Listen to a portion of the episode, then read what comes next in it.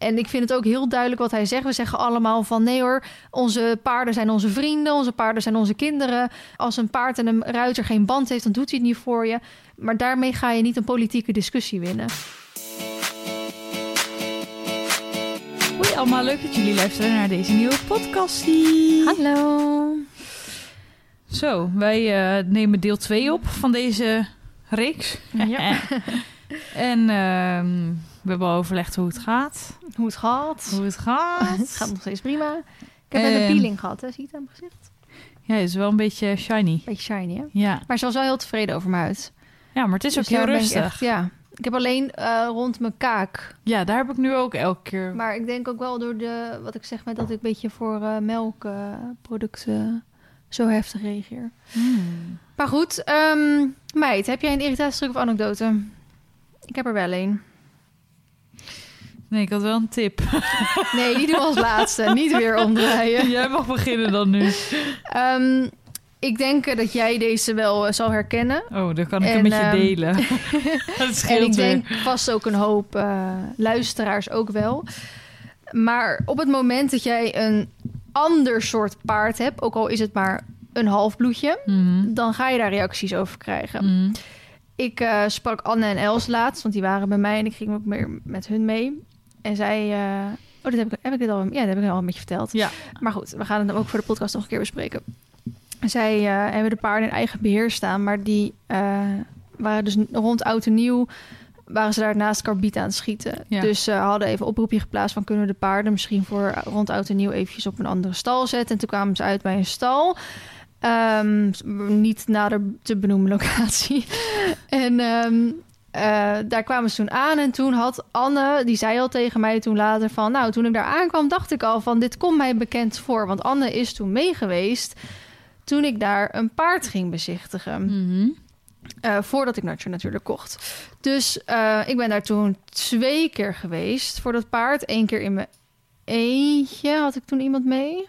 Vast wel. Nee, volgens mij niet. Ik toen niemand mee? Nee, ik dacht van niet. Of had ik Dena toen mee? Ik weet het niet meer. Was ik, ik, was in, ik combineerde het ergens mee. Nou, ik weet het niet meer goed. Um, en de tweede keer ging ik toen met Astrid samen. Die ging toen mee. Ja. Om even een soort van uh, met dat oog er alvast naar te kijken. Voordat ik hem mee naar de keuring ging nemen. Um, toen zei ze al van, nou, het kwam hem bekend voor, bla bla. Nou, en toen, dus ik weet nog niet zo goed of ik anderen daarin had meegenomen... Of, of dat het alleen van de filmpjes, zeg maar, was die ik naar hun had gestuurd. Mhm. Mm. Ik denk dat tweede. En um, toen kwamen ze dus ook dat paard daartegen. Dus dat paard is niet meer van diegene waar ik hem van zou willen kopen. Dit Mhm. paard is trouwens afgekeurd al tijdens de klinische keuring. Hij liep al op de volte, liep hij al niet goed. Niet heel, heel, heel, heel erg. Gewoon wel dat er, Zichtbaar. Hè, zichtbaar. En vooral tijdens de buigproef liep hij op twee benen niet goed weg. En uh, hij had onder andere een bokvoetje. En een bokvoetje hoeft niet per se uh, te betekenen dat hij uh, kreupel gaat worden of zo. Mhm. Maar het feit dat hij al niet goed liep bij de, bij de buigproeven. Ja. Uh, en ik had gezegd dat ik geen paard met risico ging nemen. En de dierenarts natuurlijk niet op dat moment uh, mag zeggen... hij is afgekeurd, goedgekeurd, maar alleen haar bevindingen mag delen. En ik dus ging afrekenen en ze naar me toe kwam... want dat was dezelfde dierenarts die uh, Olympus toen de tijd heeft behandeld... en ingeslapen uiteindelijk Mm. ook. Dus die heeft echt van begin tot eind het allemaal meegemaakt. Dat ze ook naar me toe kwam vliegen, je doet het toch niet, hè? Weet je wel zo? Mm. Nou, dan weet je gewoon dat je het dus niet moet doen. Dus zij kwam dat paard toen daar weer tegen. En ik wil echt trouwens even zeggen, was echt superleuk paard. Die eigenaresse was ook echt heel aardig hoor. Dus ik wil, mocht iemand weten over wie ik het heb... dan wil ik gewoon even er nu weer bij zeggen... dat ik dus niks richting hun bedoel. Maar toen, uh, dat paard is dus verkocht aan iemand anders... en die gewoon op die stal staat. Als ik het in ieder geval zo de puzzelstukjes in elkaar leg... is dat het verhaal. En toen uh, kwam Anne uh, of Els, of allebei... kwamen dus uh, dat paard tegen met dus de nieuwe eigenaresse. En toen zei zij, dat is dat paard of zoiets. En toen zei ja, uh, want Vliene die wilde hem niet. En toen dacht... Want Anne en Els die kenden natuurlijk het verhaal. Want Anne was bij, oh ja, Anne was bij die keuring. Die was met mij mee geweest toen. Dus Anne dacht al zoiets van, nou, Vliene wilde hem heel graag hebben, maar was gewoon gelijk afgekeurd. Dus die dacht ook van, nou, weet je, het zal wel. En toen Mhm. zei die vrouw er ook nog achteraan, ja, en nu heeft ze een tuiger. nou, en toen Anne me dat vertelde, toen schoot dat bij mij het verkeerde keelgat, joh. Want dat, kijk, weet je wat jij hebt hiervoor, nu heb je een echt springpaard, maar hiervoor had jij een tuigerkeer Hackney. Ja. Wat ik trouwens daarbij ook wil zeggen, maakt niet uit. Want bijvoorbeeld Halloween van Esra is ook een tuigenkeer Hackney. Wordt hier erg veel lawaai gemaakt. maar dat is ook een tuigenkeer Hackney. En die rijdt er Ja. ook gewoon mee in de hogere dressuursport. Ja, en kan ook daar rijdt gewoon. gewoon een... Want Esra is natuurlijk ondertussen een pararuiter. Dus die moet doodbraaf zijn. Ja. Nou, dat is wel echt wel een flink... Hef, het is wel een, een, een, een, machtig Machine. dier, een machine om te zien. Maar ja, de, het vertrouwt hem wel zo erg. Zij is wel braaf genoeg dat er een pararuiter op kan. En eh, ze zijn gewoon bezig om richting de Grand Prix te werken. Dus ja, bizar. ook even bij zeggen dat zo'n soort van beetje misschien apartere kruising, dat zegt ook niet alles. En ehm, schoot bij mij, kijk, ten eerste even. Ik heb een halve tuiger, weet je wel. De andere helft is gewoon, ja, om het even te zeggen, ik weet niet wat het is. KWPN, NRPS, iets in die richting. Mhm. Gewoon normaal in mijn ogen. Eh, Marley is bijvoorbeeld een halve fjord. Nou, heel veel mensen zeggen ook, oh, is een bonte fjord, weet je wel, zo, hup, hup.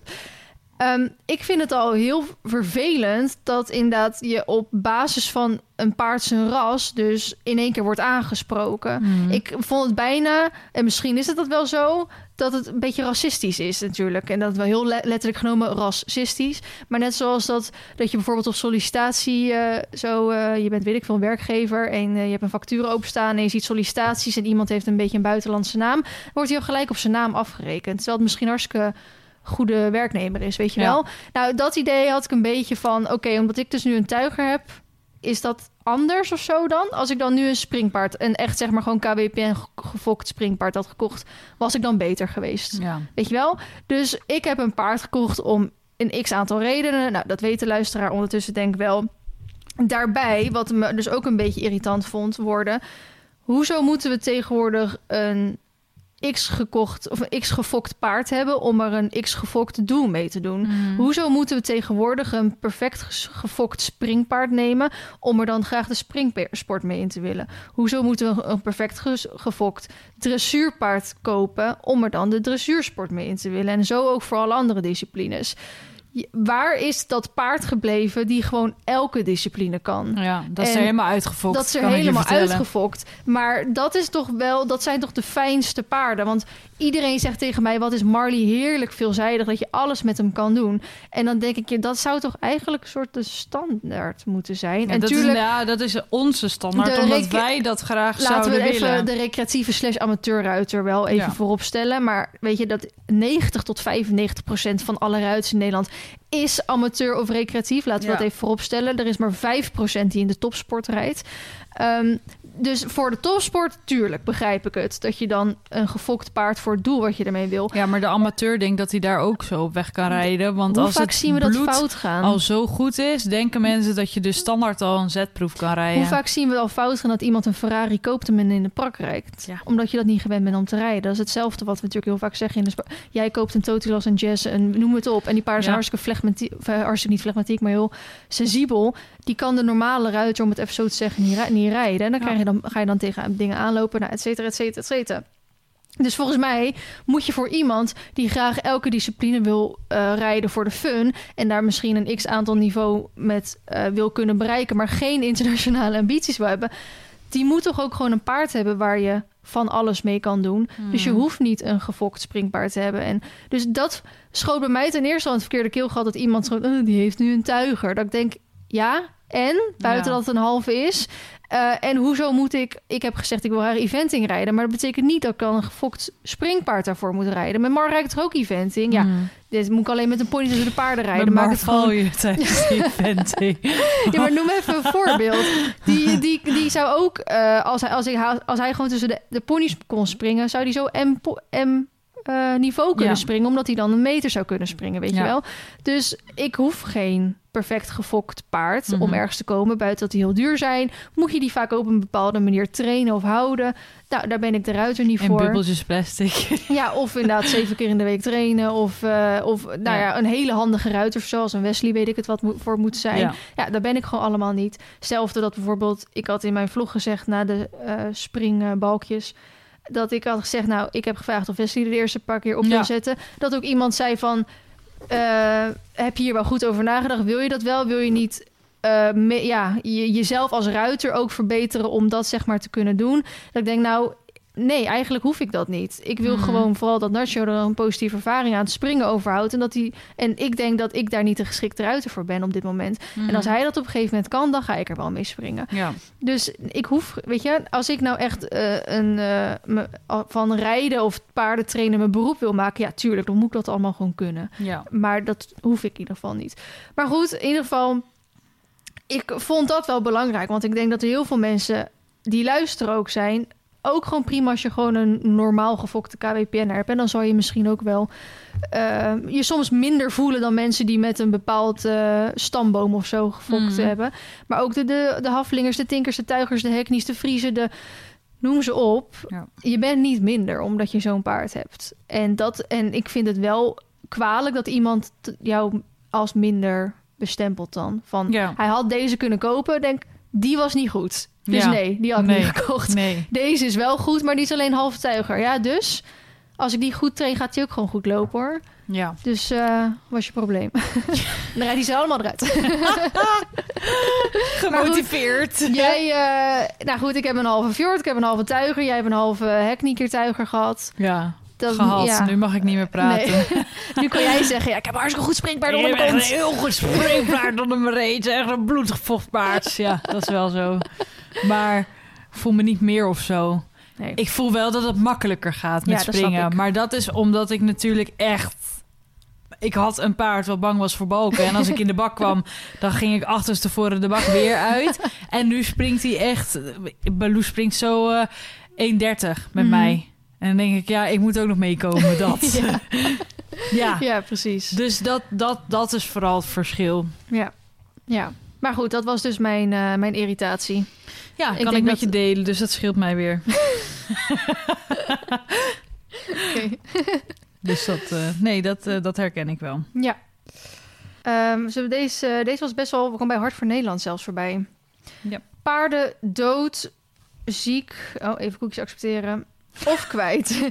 Eigenaren starten zaak tegen misstanden bij opfokstal. Nou, mijn internet wil echt eh, niet laden. Nou, lieve, maar ik ben hem ook aan het proberen te laden, maar hij doet het niet. Ik heb ook geen wifi. Ik ja, maar hij pakt hem helemaal niet. Nee, hij op loopt helemaal vast. Op mijn eigen internet pakt hij hem Oh, ook niet. Paarden dood, ziek of kwijt. Eigenaren starten zaak tegen mis- eh, misstanden bij opfokstal. Tientallen jonge paarden van een opfokstal in Friesland zijn het afgelopen jaar ziek geworden, verdwenen of overleden. De veulens werden daar afgelopen jaar opgevangen om te socialiseren en op te groeien, maar dat ging gruwelijk mis. Annemiek, Annemieke Vinkoert is een van de eigenaren van de eh veulens die ondergebracht werden in de opfokstal in het Friese Nes. Ze kwamen erbij toeval achter dat een, eh, een van haar paarden was overleden. Een ander is ziek en weer Bij een ander is achter. verdwenen. De opfokker wil volgens Annemieke niet zeggen waar het veulen is.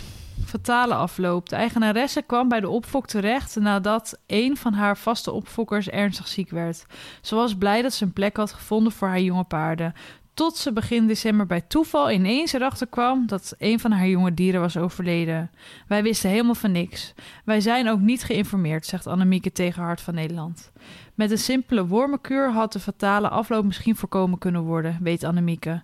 Die heeft het paard waarschijnlijk niet gehad. Dat vind ik heel erg. Wetende hoeveel pijn die heeft gehad. Dat vind ik nog het ergste. En dat terwijl we er, eh, en dat terwijl we er wat aan kunnen doen. Aan hadden kunnen doen. Als Annemieke direct haar andere paarden bij de fokker wil ophalen, komt ze erachter dat een van haar paarden vermist is. Op de dag van vandaag weten we eigenlijk niet waar hij is. Het andere paard is ziek door rode bloedwormen. Die heeft het ook gehad toen. Nee, Oh. Weet wel, niet. wel. Weet ik zie dit in één keer nu staan. En ik dacht, Ja, weet ik niet. Maar ik heb Ehm, gehad. Die eten zich door de darmwand heen. De darmwand gaat ontsteken en daar gaat het paard. Eh, de, en, sorry. De darmwand gaat ontsteken en daar gaan een paard dood aan als je die niet op tijd behandelt. Volgens Annemieke knapt het dier langzaam op, maar is nog onzeker of het allemaal goed afloopt. Ze besluit om een bericht op de, eh, over de situatie te schrijven op social media. Meer en meer dup- gedupeerden melden zich hier daar, daarna. De eigenaren van de paarden laten het er niet bij en starten een zaak tegen de opfokbedrijf. Ze worden bijgestaan door advocaat Stefan Wensing. Ik sta op dit moment acht eigenaren bij... die samen een flink aantal paarden in de opvoek hebben gehad. Een aantal van de dieren zijn overleden, een aantal zijn ziek... en een aantal zijn geheel verdwenen, legt hij uit aan Hart van Nederland. Als opvoekstal heb je de verantwoordelijkheid om zo goed mogelijk uh, de paarden die, die van de eigenaren zijn aan je toevertrouwd te zijn verzorgen. Daar lijkt de, in deze zaak totaal geen sprake van, al dus de advocaat. De beschuldigde stalhouder wil vooralsnog niet reageren op de kwestie. Ja, heftig. Vooral dat dus bij toeval kom ik erachter dat mijn paard dood is. Ja, dat en vind toen ik ik ook ging wel kijken was de andere vermist. Ja, heftig. Ja, Dat heeft dus natuurlijk al best wel veel nieuwspagina's ook binnen de paardensport gestaan. Omdat het, eh, ja, Hart van Nederland, dat is wel gelijk landelijk nieuws natuurlijk. ja. Dus dat is wel heftig Ja, dat het daar gebeurt. Maar je hoort wel veel gekker verhalen over opfokstallen. Hoor. Volgens mij is het best wel moeilijk om echt een goede te vinden. ja. En ik denk dat het ook een soort ga- gat in de markt is om een goede te zijn. Ja, en ik denk dat je bij een goede opfokstal dus al bijna evenveel betaalt Ja. als op een normale stal. En dan- Minimaal vaak 150, en dan soms 200. denk ik dat mensen al denken van... nou, dan kan ik hem net zo goed dus op stal laten staan... omdat hij dan veel meer in de hand komt. Ja. En dan socialiseer ik hem wel met de paarden hier op stal... dan dat hij met een jonge groep staat. Ja, terwijl het juist veel fijner... Ik was, ben bij uh, Lelymare geweest in Lelystad. ehm, voor de Inspiratie. Nou, dat is gewoon... Die hebben bijvoorbeeld jong en oud eh, door elkaar staan... zodat ze elkaar dus op een natuurlijke Ja. manier opvoeden. Ja, daar ben ik dan wat meer voorstander van... dan alleen maar jonkies zeg maar, bij elkaar. Mhm. Ehm, ik denk dat het wel goed is om veel jonkies bij elkaar... want dan kunnen ze lekker spelen en ook, weet je wel, Mhm. dat doen. Maar ook wel dat er wat hogere in rangorde zeg maar, bij zitten. En inderdaad, wat jij zegt, dan denken mensen... ja, dan zet ik hem wel op, een- in een box eh, thuis. Maar dan staat hij gelijk vanaf jongs af aan al geïsoleerd. En weet je hoeveel... eh, nou ja, ook wel lichamelijk, maar vaak veel mentale problemen ze daarvan overhouden in hun latere leven. Ja. Dat ze bijvoorbeeld niet eh, inderdaad die socialisatie inderdaad vooral gehad hebben. ja, Ook lastig. Komen ze in de mensenhand, ze moeten ook onderling In de paarden. met paarden zeg maar Ja. eh, omgaan. Dat is heftig. Ehm, ik zag ook bij eh, Jolanda Adelaar, die ehm, had iets op haar Instagram gezet. Zal ik ook even voorlezen. Mhm. Ze had namelijk een video geplaatst waar de thumbnail was voor het eerst scheren van baby Jai voor Hoefon naar Ankie van Gunsven. Ze ging dus met haar paard Jai. Ik snap dat zij hem nog steeds baby noemt, maar ik vind het echt bloedirritant dat er nog steeds baby voor staat. Hij is ondertussen al acht jaar oud of zo. Ehm, ik vind Jolanda daar echt een top bij voor. En ook hoe zij haar paarden houdt en traint en zo. Dat komt ook naar voren in het berichtje.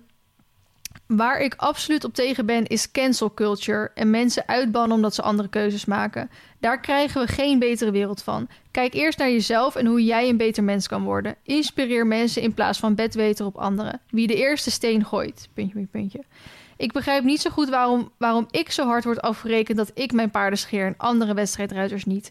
Ik rijd ook wedstrijden, dus het is niet alleen maar voor één tv-opnamedag. Hij raakte echt heel erg bezweet en nat met trainen door zijn vacht. Ja, ik doe ook klikkertraining, vrijheidsdressuur, mijn paarden zijn barefoot en gaan 24 uur per dag naar buiten.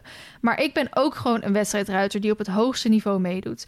Ik val altijd tussen wal en schip. Voor de all-natural mensen doe ik het nooit goed goed genoeg. En de wedstrijdmensen hebben soms het gevoel dat ik door mijn manier, hoe ik persoonlijk mijn paarden manage en train, hun manier veroordeel. Wat ik niet doe. Ik ben een vrij mens en doe gewoon wat ik zelf het beste vind voor mijn paarden. En ik boek er goede resultaten mee. Een ander doet dat misschien op een andere manier en boekt daar goede resultaten mee. Laten we niet vergeten dat in welke bubbel je ook zit als paardenmens, dat we allemaal paarden heel diep hebben zitten. Dit is wat iedereen aan elkaar verbindt. Nou, toen ging ik heel even. Ik heb de video nog niet gezien, hij staat nog in mijn later bekijken. Mhm. Maar ik ging dus wel natuurlijk de reacties even lezen. Daar had iemand dus op gereageerd. Ik zou juist als je naar Ankie gaat niet scheren. Dat is het helemaal niet waard. Zeker niet als je er daarna veel meer werk van hebt. Daar reageerde iemand dan weer op. Het ging om het beeld, omdat ze voor Hoefon naar Ankie ging. Dat ik al denk, nou, daar gaat het ook niet om. Dus iemand zegt, ben het hiermee eens. Had dit niet verwacht van haar eigenlijk. Ik scheer voor medische redenen. Of als de vacht in de weg van het paard gaat zitten, zoals te warm eh, worden voor ze. Toen reageerde iemand weer, nou, ze rijdt er ook bij wedstrijden. Eh, nou, bla bla bla bla. Reageerde ook iemand, we hoeven niet alles te weten. We mogen, we mogen alles eten, maar niet alles weten. Bovendien, geschoren paarden vind ik wel wat verzorgd uitzien, om eerlijk te zijn.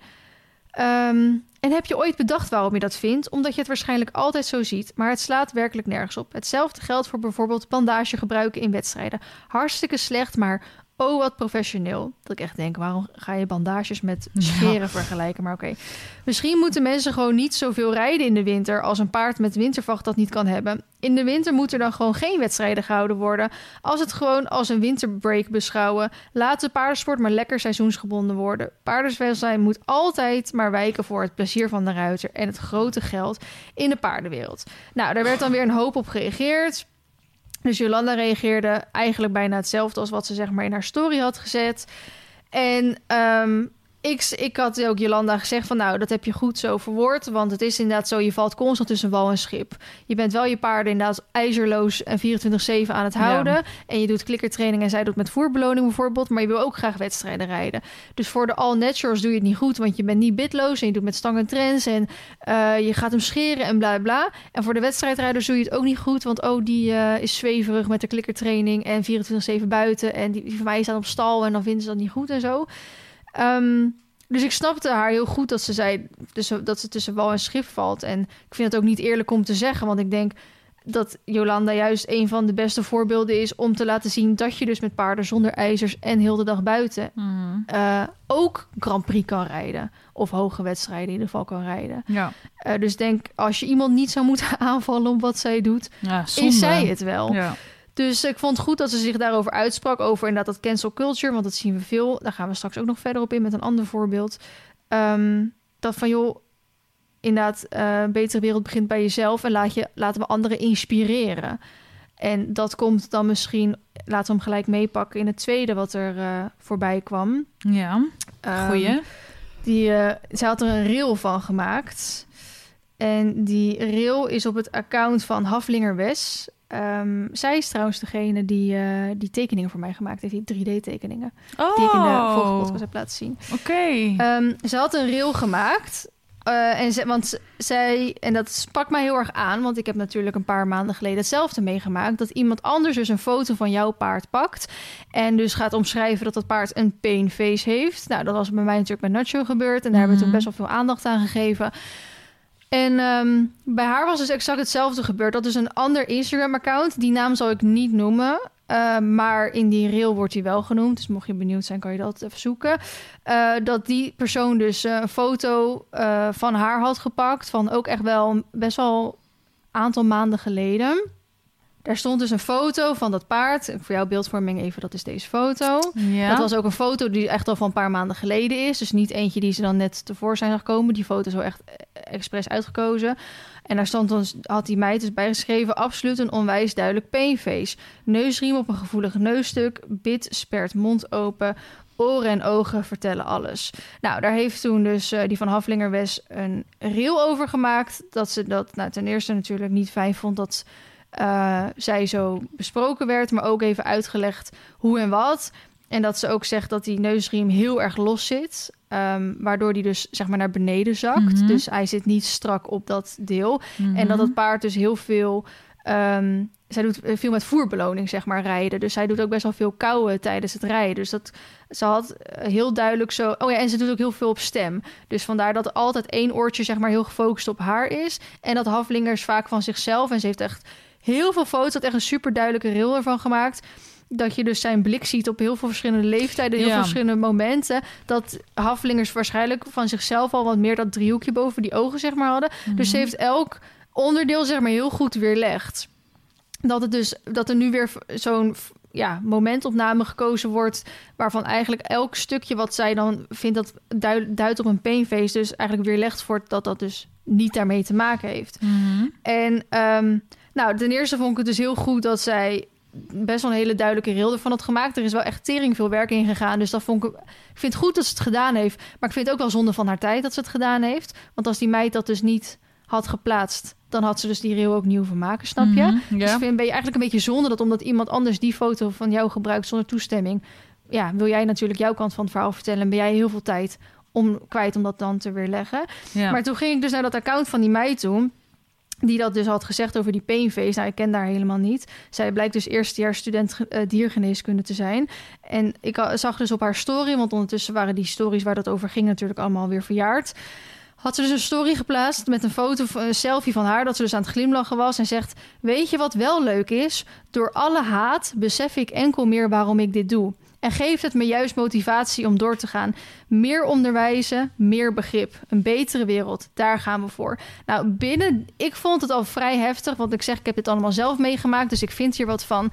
Ehm, ik, binnen deze story spreekt ze zichzelf al heel erg tegen. Door alle haat besef ik enkel waarom ik doe. Het geeft me meer motivatie om door te gaan.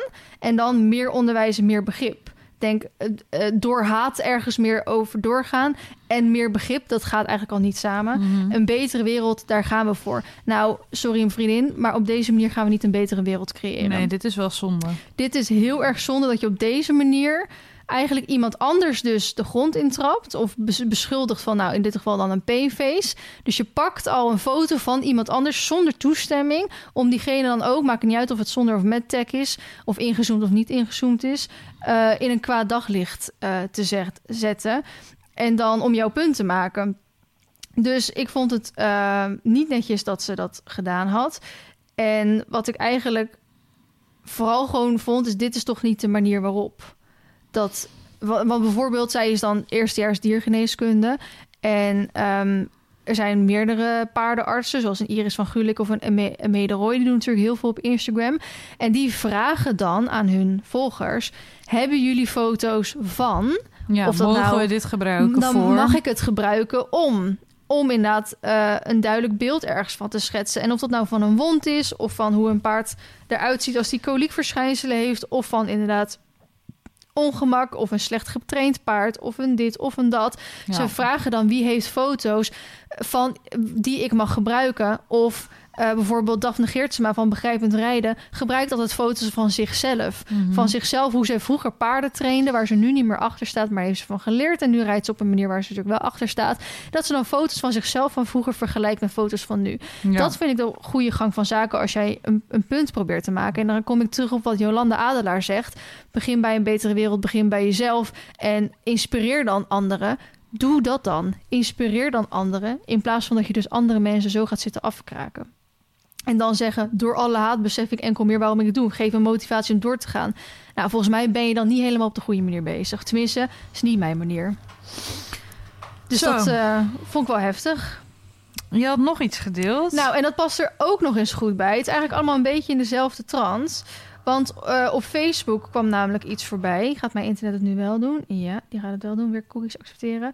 Eh, de pagina nieuws.horse had iets ge- gedeeld. Een, een interview.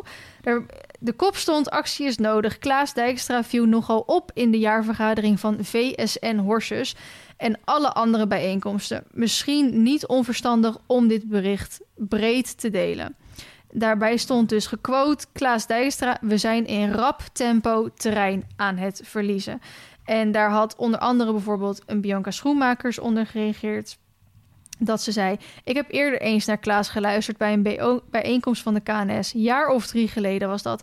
Interessante man met een goed verhaal. Helaas is daar toen weinig tot niets mee gedaan. Hopelijk opent dit bij de VSN wel wat ogen... want het is tenslotte hun kostwinding. Hm. Uh, nu is het een vrij lang stuk. Ja. Maar ik denk wel dat het goed is om hem even snel voor te lezen. Nou, dan mag jij dat doen, want snel voorlezen kan ik niet. Hij heeft niks met de paardenwereld, maar ziet donders goed wat er aan het gebeuren is. Klaas Dijkstra hield laatst een lezing voor de leden van de VSN, de Verenigde Sportpaardenhandel Nederland. Al snel bleek de zaal gegrepen door zijn verhaal, omdat het gepassioneerd gaat over onze paardentoekomst. Als je het niet zelf regelt, dan wordt het straks voor je geregeld, zegt hij. En dan gaat het dus over goed georganiseerde en goed gefinancierde clubs als Dierenrecht, Bond voor Dieren, Wakker Dier en Animal Rights en de politiek en de pers. In zijn lezing vroeg Klaas Dijkstra de paardenhandelaren of ze wisten wie de mevrouw op de foto was. Nou, er staat in dat artikel dan een foto bijgevoegd. Het is belangrijk om te weten met wie je te maken hebt. Laatst in de vleessector liet ik de foto van Sjoerd van der Wouw zien. Wie is die man met dat kale hoofd? De hele, zaak, zaal, de hele zaal uh, kijken, maar er gebeurde niks. Ze kende hem niet. Dan denk ik, besef je nou echt niet wie dat is? Dan zeg ik, dit is nou de meneer die in 2012 een belangrijke communicatieprijs heeft gewonnen als de bedenker van het woord plofkip van Wakker Dier. Ik was verbijsterd, had het niet zien aankomen. Bij de VSN liet ik Sarah Pacey zien. Ze hadden geen idee. Al vier jaar is zij met dierenrecht bezig om elk jaar acties op te zetten tegen de paardensport. Goed opgeleid door opleidingsinstituten, gedrild, voorzien van geld. Joh, we verliezen het in de paardenwereld op alle fronten: geld, kennis en capaciteit. Ik vond het een kwalijke zaak dat dierenrechten rond Jumping Amsterdam in het parool beweerde dat 82% van de paarden verwondingen in de mond heeft. Dan vraag ik dat na bij de dierenarts van Jumping Amsterdam. Hoe kom je daarbij? Geen enkel paard. Dan vind ik het de moeite waard om in verweer te komen. Bij Jumping Amsterdam zaten ze intussen met de handen omhoog. Niemand wist wat er moest gebeuren. Ik heb het parool gebeld. Wat doen jullie? Ooit gehoord van hoor en wederhoor? Tja, misschien hadden ze dat toch moeten doen. Ik heb gezegd, je komt maar langs, neem een dierarts mee... je gaat zelf kijken of het klopt wat je schrijft. De zaterdageditie was dus voor ons. Klaas Dijkstra belandde in 1990 in het marketingvak en kwam in aanraking met goede doelen. Ik leerde een kerel kennen, prachtvent, die vond dat dieren een goede plek moesten hebben. Die vocht en streed daarvoor. Dat was een communicatie-expert met teksten die naar je strot grepen. Zo leerde ik de wereld kennen van Wakker Dier, Dierenbescherming, Bond voor Dieren, BSPA. Bij Natuurmonumenten kwam ik binnen met de opdracht: groei van 400.000 naar 1 miljoen leden. Dat is bijna gelukt. We zijn gestrand op 969.000.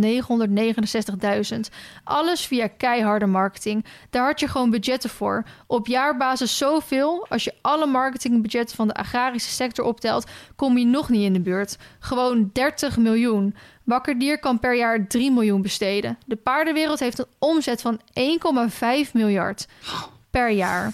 Voor dit werk hebben we in de paardenwereld maar 50.000 euro.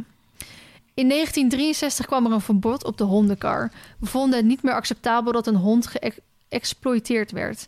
Dat ging toen trouwens niet met petities, handtekeningen of filmpjes, maar de hondenkar is weer terug. Alleen, de hond zit nu in het karretje in plaats van dat hij ervoor loopt.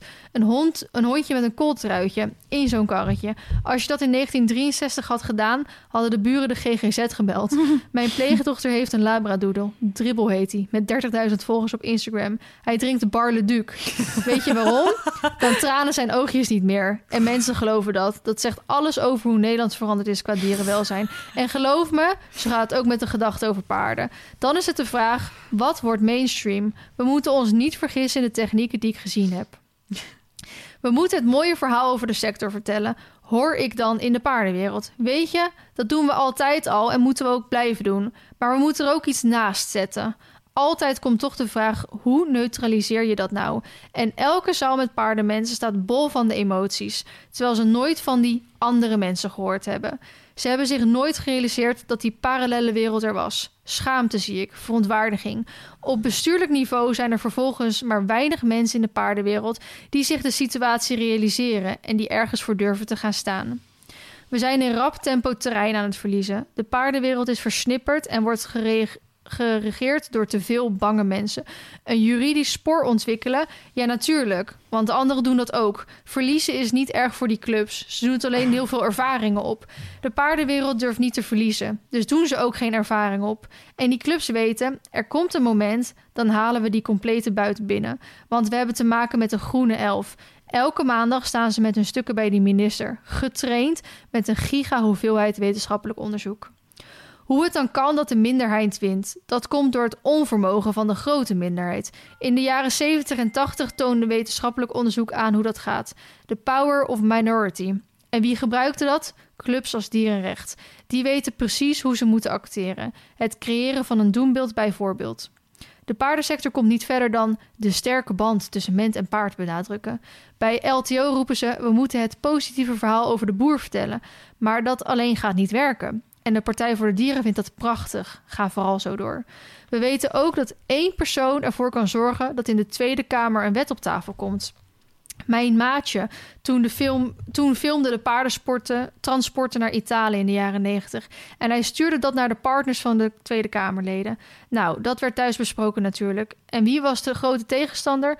Transport en Logistiek Nederland met 150 werknemers. En Maarten was alleen. Later hebben we door TNL, TL, zo, TLN Nederland gewerkt. Zijn we 50 uh, km per uur gaan rijden, zodat heel Nederland vaststond.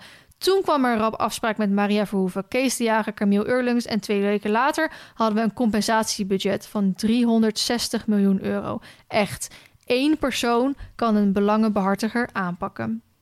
Weet je, als de sector niet groter uitpakt, hebben we over een paar jaar echt een probleem. Maar de discussie wordt onvoldoende gevoerd. We weten dat we achterstand hebben, maar ook onvoldoende het mentale vermogen om de geest om te draaien in een nieuwe richting.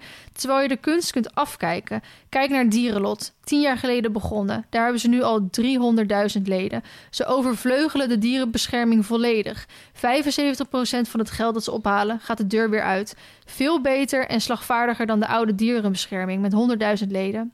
Ze zijn ook eigenaar van de vakopleiding Fondsenwerving, waar ik lesgeef. Een HBO-opleiding is er ook. Daar ben ik voorzitter van de examencommissie. Daar komt bij dat het landschap veranderd is. We hadden een schaakbord, konden redelijk overzien wat waar gebeurde. Dier en recht, soms een vegan streaker. Maar wat je nu ziet, het is niet alleen meer landelijk. Het gaat naar provinciaal, naar gemeentelijk, naar waterschappen. De provincie Noord-Holland bemoeit zich met sponsorgeld voor Jumping Amsterdam. Net als de gemeente Amsterdam. Haarlem wil een verbod op buitenreclame voor vlees. Noord-Holland ook. In Zwolle moet je voor een receptie vooraf een normale vleesbitterbal bestellen met de kreet... Carnivore, geef het door. De sportvisserij ligt nu onder de loep bij de waterschap en gemeente. Als ik tegen bestuurders in de paardenwereld zeg: het schaakbord ziet er nu anders uit, dan vragen ze: wat bedoel je daar dan mee? Als je dan ook nog denkt dat je met een budget van meer dan 20 jaar geleden de strijd kunt volhouden, dan heb je het verkeerd. Het vergt heel veel menscapaciteit en kennis. Overal waar ik kom is onvoldoende kennis. We hebben nog geen wetgeving rondom het houden, bereiden of sporten met paarden. Daar zit Dier en Recht en de Partij voor de Dieren op te hinten. Dat er regelgeving moet komen op het gebruik van sporen, zweep, bitten, huisvesting en nog verder. Ze publiceren petities op internet. En als er voldoende handtekeningen zijn, gaan ze, gaan ze het agenderen bij de minister. Dan kun je beter zelf zorgen dat je alles reguleert, want het komt toch als je verder niks doet. Wat je dan zou moeten doen, nou, om te beginnen een taskforce met vaste bemanning, met een dierenarts, goede jonge communicatiemensen die je naar de vakopleiding fondsenwerving moet sturen.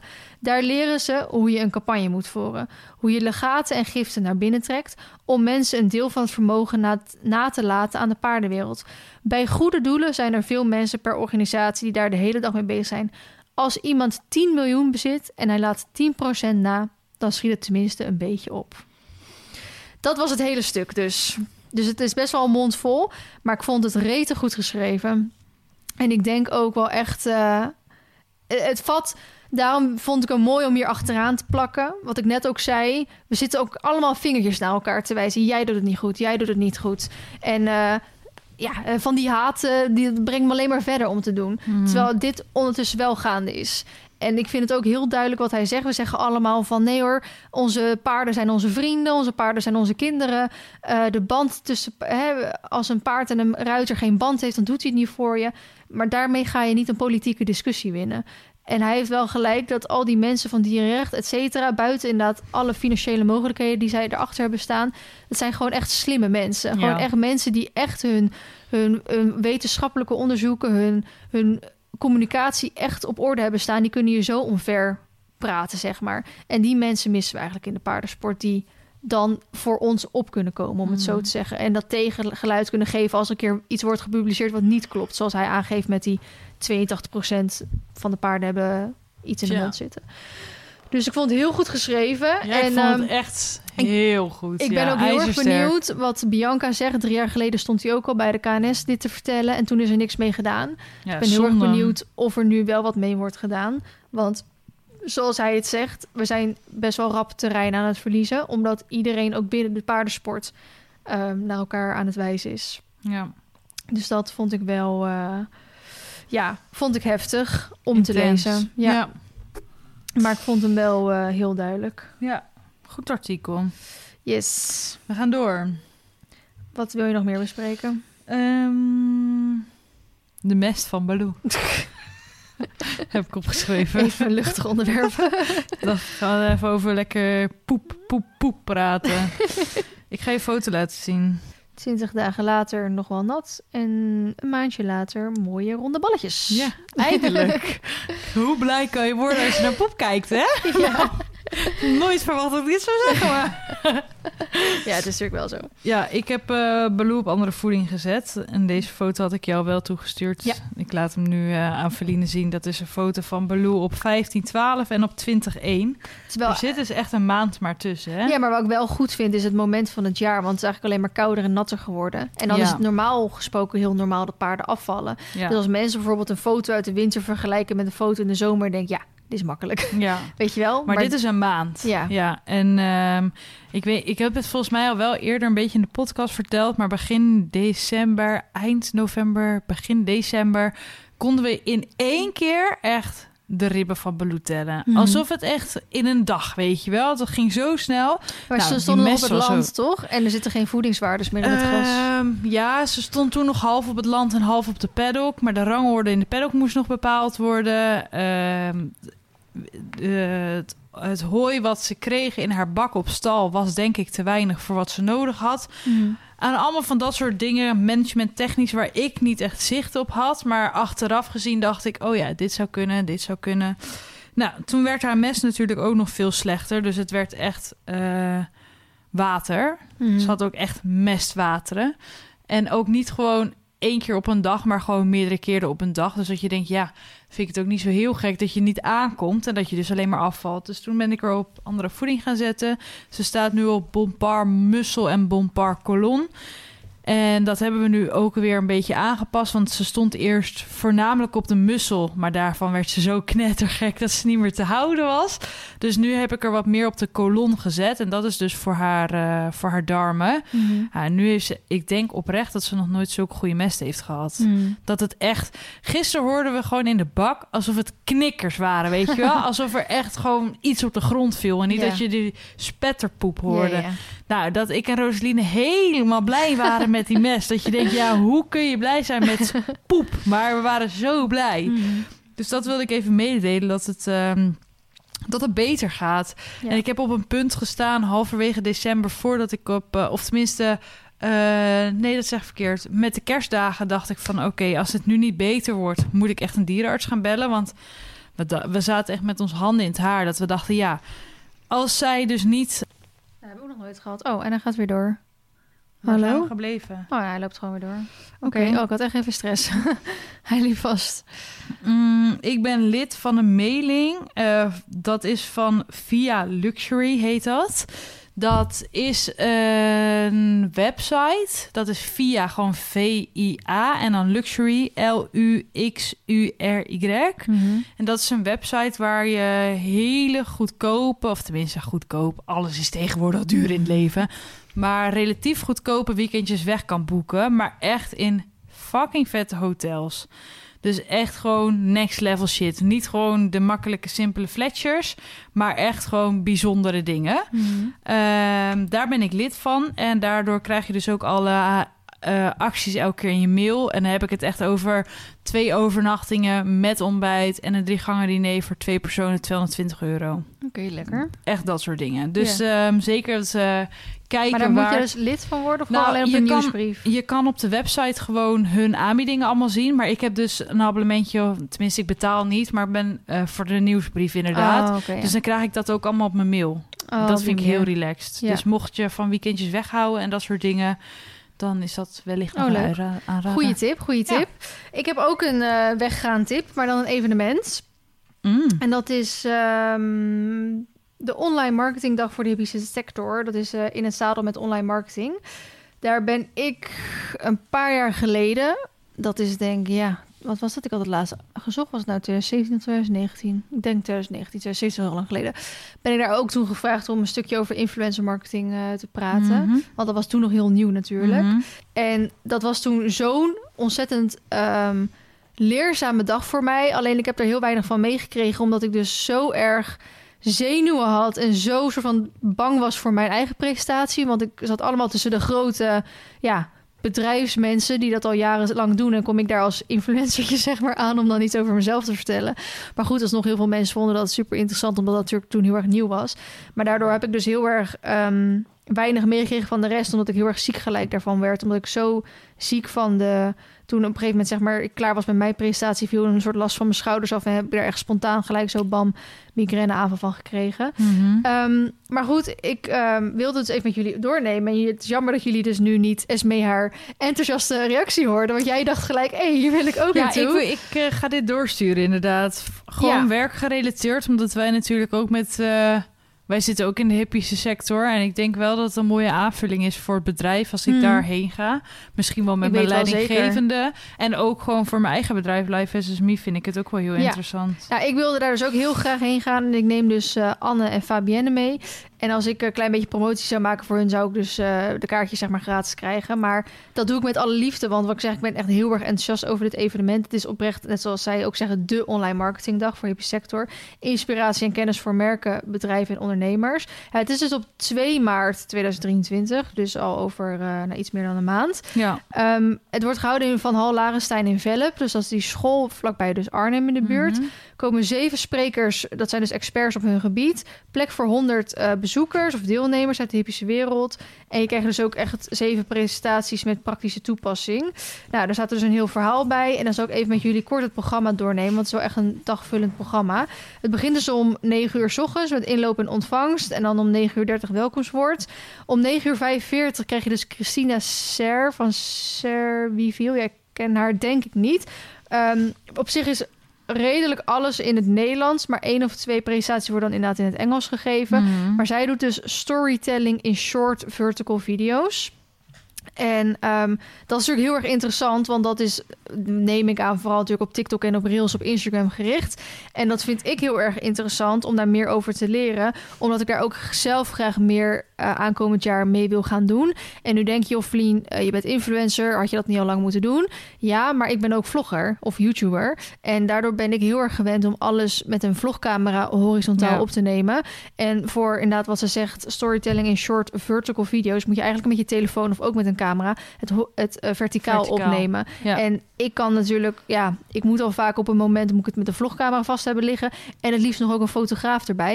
Als ik dan ook nog iemand erbij moet hebben die het zeg maar verticaal allemaal Ja, gaat filmen. lastig. Of je moet het allemaal zes keer opnieuw opnemen. Nou, met paarden is dat nogal lastig. Ja. Ehm, Doen ze even niet. Nee, even, doe even zes keer je proefje achter elkaar rijden, weet je wel. Doe even zes keer dat parcours springen. Dus ehm, ehm, ik wil daar heel graag meer eh, mee gaan doen. En ik wil ook graag mijn nieuwe stagiair daar straks ook vol gas op zetten. Dus heel interessant ook om haar daar naartoe mee te nemen. Dan komt Connie Loostra dus van Dressage Pro en TRT met het vertellen over marketing funnels in de praktijk. Nou, ik denk eh, ja, als je ooit iets bij haar gekocht hebt of op haar website bent geweest, dan zie je dus hoe goed zij daarin is, inderdaad, in die funnels. Mocht je niet weten wat een funnel is, is het überhaupt al leerzaam om daarheen te gaan. Want marketing funnel is heel erg belangrijk eigenlijk als je een product of dienst wil verkopen. Want het gaat heel erg ook over je website en zo. Ja. Eh, even koffiepauze. Eh, Veronique Pieper is van JG Web Marketing, linkbuilding in galop naar de eerste posities binnen Google. Nou, dat is natuurlijk heel erg belangrijk als je gevonden wil worden. Lunchpauze netwerken. Dan krijg je Lena Buker van eHorse en eDocs. En zij doen ook growth hacking de eHorse way.